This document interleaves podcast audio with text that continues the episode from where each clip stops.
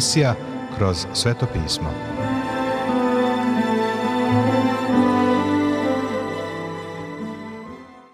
Dobroveče, poštovani slušaoci i dobrodošli u još jednu emisiju programa Kroz sveto pismo, programa koji je za vas napisao Vernon McGee, a pročitao Branko Bjelajac. Želimo vam prijetno i blagoslovljeno slušanje.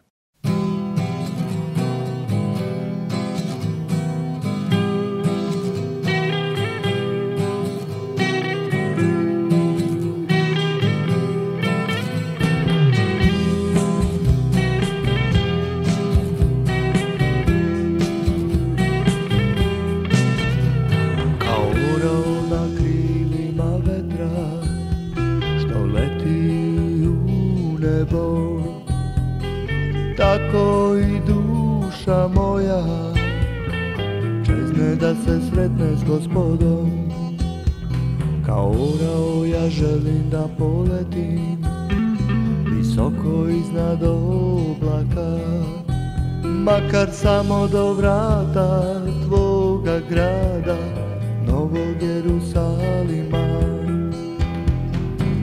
Ja samo želim da poletim negde gore iznad oblaka Ja samo želim da se odlepim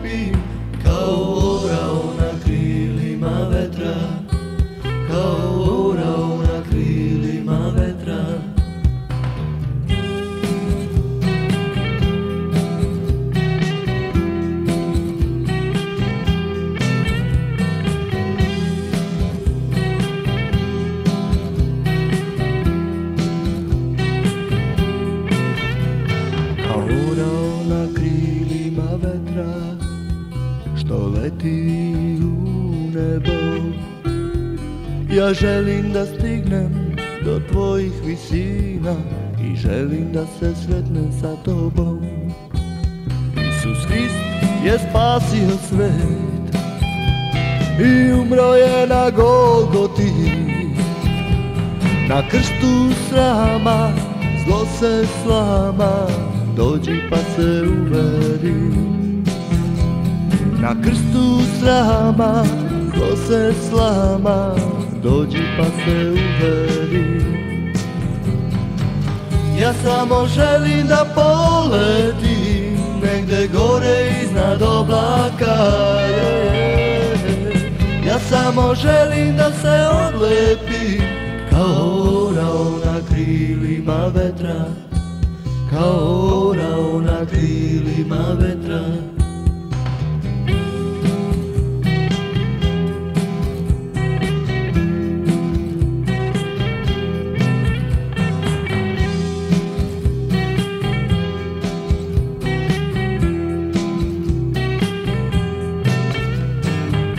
Ja samo želim da poletim Negde gore iznad oblaka Ja samo želim da se odlepim Kao orao na krilima vetra Kao orao na krilima vetra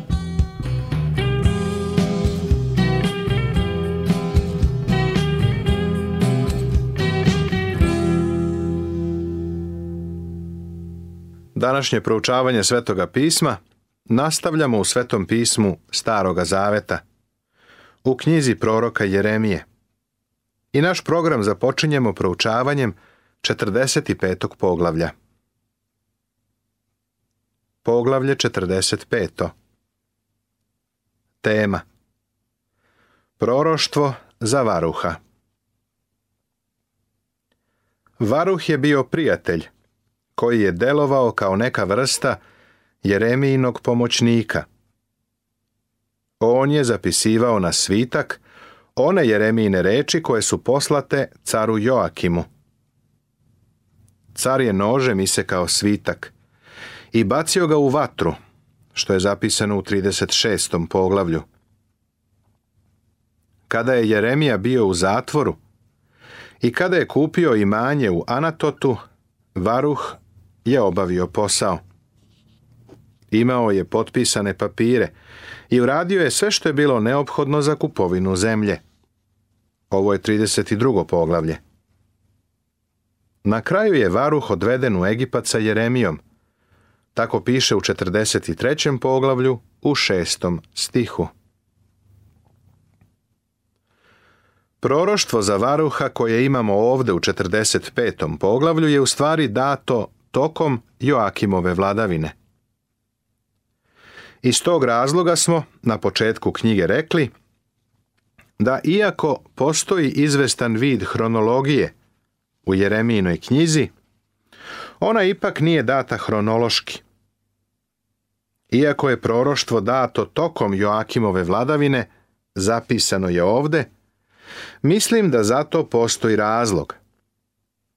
Verujem da je ovdje zapisano kao ohrabrenje varuhu. Gospod mu je već bio otkrio šta će mu se desiti ako se identifikuje sa prorokom Jeremijom. Ovo treba da mu posluži kao ohrabrenje kada je primoran da ode u Egipat sa ostatkom naroda Jude. Ovako veli gospod Bog Izraelov za tebe, Varuše. Rekao si teško meni, jer gospod dadade mi žalost na tugu, iz nemogo huzdišući i mira ne nalazim. Situacija je bila prilično loša tokom Joakimove vladavine, ali to nije bilo ništa u poređenju sa onim što će uslediti – Stvarno loša situacija će nastupiti nakon Joakimove ere. Reci mu ovo. Ovako veli gospod. Evo, šta sam sagradio ja razgrađujem i šta sam posadio iskorenjavam po svoj toj zemlji. Iako će se stvari mnogo pogoršati, Bog je želeo da Varuh zna da je on taj koji je za sve to odgovoran. Bog je preuzeo odgovornost za ono što će se zbiti u judinoj zemlji. Prema tome Varuh treba da se složi sa tim programom. A ti li ćeš tražiti sebi velike stvari? Ne traži. Jer evo, ja ću pustiti zlo na svako telo, govori gospod ali ću tebi dati dušu tvoju mesto plena u svim mestima kuda odeš. Ovo proroštvo je dato Varuhu dok je još bio mladić. Bog mu je rekao da ne može da očekuje postizanje nekih visokih ciljeva u ovom za narod istorijski tragičnom vremenu. On će preživeti sva ta teška vremena, ali će opstati jer će ga Bog sačuvati. Sada su Jeremija i Varuh, njegov prijatelj i pomoćnik, starci u Egiptu. Vidjeli su kako ih je Bog sačuvao kroz teška vremena u kojima su živeli. Poglavlja od 46. do 48. Tema proroštvo za Egipat, Filisteju i Moav. Jeremija je u Egiptu. Tamo je protiv svoje volje. Otišao je sa ostatkom naroda, koji nije poslušao Boga nego je otišao u Egipat. Sada Jeremija daje proroštva različitim okolnim narodima.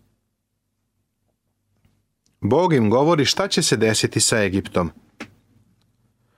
Ostatak naroda koji je iz Jude otišao u Egipat, učinio je to jer je mislio da će tamo naći mir. Bog kaže, imam novost za vas. Rat će doći u Egipat, a Navuhodonosor će zauzeti i Egipat, što se i desilo. Viču onde, Faraon, car misirski, propade. Prođe mu rok. Drugim rečima, više ne mogu da se oslanjaju na Faraona. Egipat će biti poražen. Spremi šta ti treba da se seliš, stanovnice, kćeri Misirska, jer će nov opusteti i spalit će se da neće niko živeti u njemu preživjeli judejci su napravili veliku grešku, što su se pouzdali u faraona i u Egipat. Trebalo je da se pouzdaju u Boga. Trebalo je da veruju Bogu i da mu budu poslušni. Ipak, uprkos svemu tome, Jeremija im daje i divno proroštvo, s namerom da ih uteši. A ti se ne boj, slugo moj Jakove, i ne plaši se Izraelu. Jer evo, ja ću te izbaviti iz daleke zemlje i seme tvoje iz zemlje ropstva njegovog. I Jakov će se vratiti i počivaće. I bit će miran i nikoga neće plašiti. Ti se ne boj, slugo moj Jakove, govori gospod, jer sam ja s tobom. Ja ću učiniti kraj svim narodima u koje te prognah, ali tebi neću učiniti kraja, nego ću te pokarati smerom i neću te ostaviti sasvim bez kara. Prijatelju, kada pročitaš ova dva stiha, ako veruješ da je Božja reč istinita, moraš verovati da Bog nije završio sa izraelskim narodom. Bog im govori da mora da ih kazni, ali da im neće učiniti kraj – ovo je jedan od mnogih odgovora na pitanje. Da nije Bog odbacio svoj narod? Pita se apostol Pavle u poslanici Rimljanim u 11. poglavlju, u prvom stihu. Ako verujemo Božjoj reči, moramo prihvatiti u celini takvu kakva je. Poglavlje 47. nam daje Jeremijino proroštvo, protiv filistejske zemlje. Ovaj mali ostatak iz Jude počeo je da gleda od jednog do drugog naroda. Gde da idu? Na koji narod da se oslone? Neki od tih naroda su im bili neprijatelji. Da li da kod njih potraže utočište? Odgovor je ne jer će i filistejska zemlja biti osvojena. U poglavlju 48. vidimo proroštvo protiv Moava. Moav prestaje da bude narod. I Moav će se istrebiti da ne bude narod, jer se podiže na gospoda. Današnje Hašemitsko carstvo Jordana na istoj istočnoj obali reke Jordan zauzima istu onu zemlju koja je nekada bila zauzeta od Moavskog naroda. Ipak Bog nije završio ni sa Moavom. Ne znam gde su oni danas. Sumnjam da možemo da ih lociramo, ali Bog zna gde su smešteni. ali ću povratiti roblje Moavovo u posljednje vreme, govori gospod. Dovde je sud Moavu. Bog će vratiti Moavovo roblje u posljednje dane. Očigledno je da će Moav ući u hiljadugodišnje carstvo. Međutim, u vreme Jeremije nije bilo svrhe da narod beži u Moav – ni tamo neće biti sigurni. Poglavlje 49.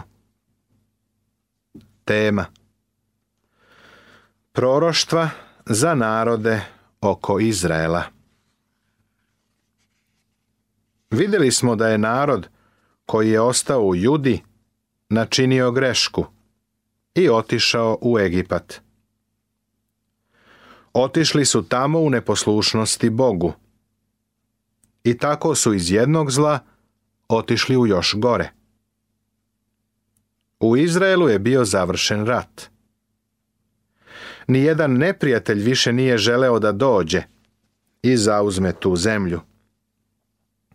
Gradovi su bili potpuno pregaženi, spaljeni, ostavljeni bez ičega osim ruševina – ostao je samo pepeo prošlih civilizacija. Ostatak naroda je trebalo da ostane u zemlji. Oni bi ponovo izgradili svoju zemlju, ali umjesto toga otišli su u Egipat. Bog je znao da će Egipat biti poprište sljedećeg velikog pohoda Navuhodonosora. Kada je zauzeo Egipat, on je po drugi put porobio ovaj narod. Opet su bili zarobljeni i opet su trpeli. Mislili su da beže od rata. Mislili su da idu u zemlju gdje će imati izobilje za jelo. Mislili su samo na bezbednost i pun stomak. Prijatelju, kada se naši ciljevi, postupci i stavovi ne zasnivaju na želji da živimo za Boga, kada Božja istina više nije naš vodič, tada potonemo na nizak nivo koji nam neće doneti ni mir, ni izobilje. Ovo je bilo iskustvo naroda kroz vekove i anale istorije. Istorija ima divne lekcije kojima nas uči samo ako želimo da slušamo. U ovom poglavlju nastavljaju se Božja proroštva u vezi sa sudom koji će doći na narode koji su okruživali Izrael. Proroštvo za Amon Ostatak Jude nije trebalo da utočište traži u Amonu, jer će se i Amon razoriti. Danas amonski narod ne postoji, ali vidi šta Bog kaže. Ali ću posle povratiti roblje sinova Amonovih, govori gospod. Amon će se obnoviti. Ovo su divna proroštva, divni stihovi iz Svetog pisma. Proroštvo za Edom Više prostora je dato proroštvu za Edom. Verovatno zato što je Edom u vezi sa Izraelom. Isav i Jakov su bili braća. A dva naroda, Edom i Izrael, nisu potekla od ova dva čoveka. Edom i Izrael nisu bili u prijateljskim odnosima godinama. Edom je postao veliki narod jer je Bog rekao da će od Isava načiniti veliki narod. Za Edoma ovako veli gospod nad vojskama – Zar nema više mudrosti u temanu? Nestali savjeta razumnima, li mudrost njihova. Bežite, obratite pleći, zavrite se duboko stanovnici dedanski, jer ću pustiti na Isava o njegovu u vreme kada ću ga pohoditi. Edom je bio na teritoriji koje je južno i više istočno, ka mrtvom moru. U oblasti između mrtvog mora i Akabskog zaliva. Edoma je čekao Boži sud. Postali su veliki narodi, druge narode su snabdevali savjetnicima. U kamenu isklesani grad Petra, danas u Jordanu, je bio tako bezbedno mesto da je služio kao mesto čuvanja ili spremište velikim narodima. I Vavilon i Egipat su tu imali svoje račune. To je bilo mesto gdje su mogli da pohrane svoja blaga i da budu bezbedni. Grad je bio isklesan od čvrstog kamena sa obe strane, a postojao je samo jedan ulaz u grad. U to vreme je to bilo izuzetno mesto, ali mu je Bog oduzeo svu veličinu koju je nekada uživao. Njihova veličina je velikim delom zavisila od okolnih naroda koji su ih posmatrali, jer su smatrali da je Petra vrlo siguran grad. Jer sobom se zaklinjem, govori gospod, da će Vosora biti pustoš, rug, čudo i prokletstvo. I svi će gradovi njeni biti pustinja večna. Vosora je Petra i Edom. Taj u steni, isklesani grad i danas tamo stoji potpuno napušten. To je gotov grad, pa ako tražiš smeštaj, tamo besplatno možeš da ga dobiješ. Ti isklesani stanovi su divni, i ako poželiš, u jedan od njih bi mogao već sutra da se useliš. Danas sve to tamo stoji i može se dobiti. Niko neće doći da sakuplja stanarinu. Niko neće pokušati da proda išta od imovine. Upozoravam te, međutim, da tamo nećeš dugo ostati. Ljudi koji su probali da tamo žive prosto se ne zadržavaju. Pre nekoliko godina Nemci su htjeli da kolonizuju Petru. Poduhvat nije uspeo i ljudi su se vrlo brzo razbežali. Obest tvoja i ponositost srca tvog prevari tebe, koji živiš u raselinama kamenim i držiš se visokih humova, da načiniš sebi gnezdo visoko kao orao i odande ću te svaliti, govori gospod. Veliki jedomski greh je bio ponos i zbog njega su bili osuđeni. Nalazili su se na mestu koje je bilo izvanredno zaštićeno. U grad se ulazilo kroz duboki i uzani tesnac, koji su zvali Sik. Bio je dugačak oko kilometar i po bila je to vrsta pukotine u steni, u dolini poznatoj kao Vadi Musa. Ovaj narod je imao istoriju dugu oko hiljadu godina. Onda su ga zauzeli navatejci Arapi. Grci su načinili dve bezuspešne ekspedicije na njega, ali su uvidjeli da je to neosvojiv grad. Za savremene ljude sve do otkrića aviona bio je nepristupačan. Imali smo priliku da turistički posjetimo Petru i vidjeli smo da jeste izuzetan grad. Grad je bio pod uticajem Vavilona, Egipta, Grčke i Rima. U njemu se mogu vidjeti arhitektura i ostaci drugih civilizacija.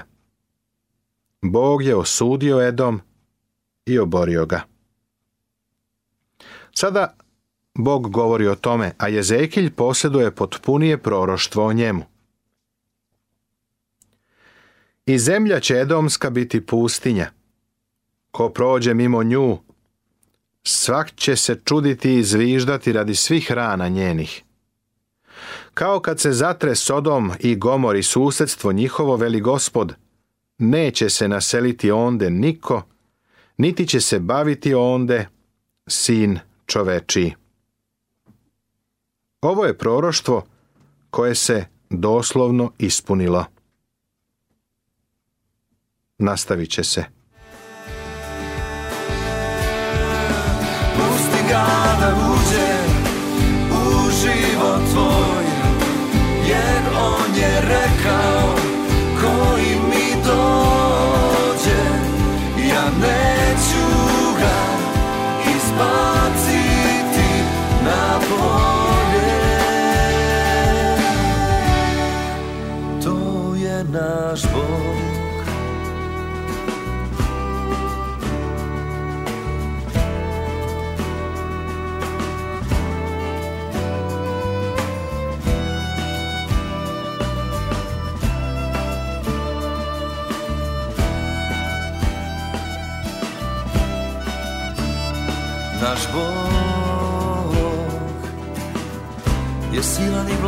nad zemljom svom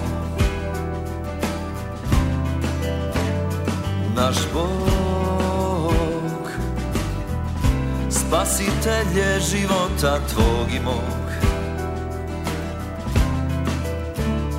Naš Bog Je silan i vlada nad zemljom svom Naš Bog spasitelje života tvog i mog.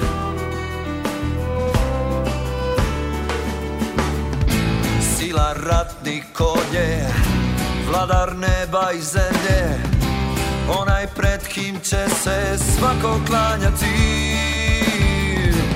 Iznad njega nema ono koji vlada, jer on je Bog, jer on je Bog. uđe u život tvoj Jer on je rekao koji mi dođe Ja neću ga izbaciti na polje Pusti ga da uđe u život tvoj Jer on je rekao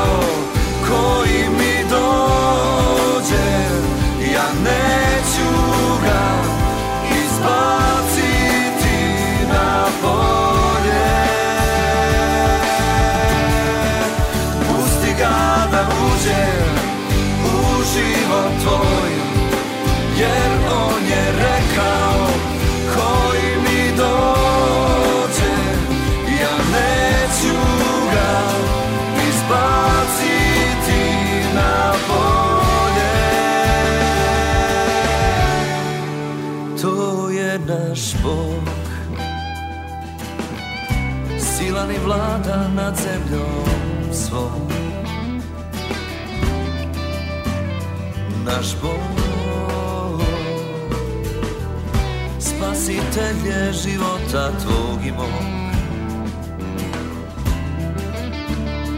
Naš Bog je silan i vlada na zemljom svom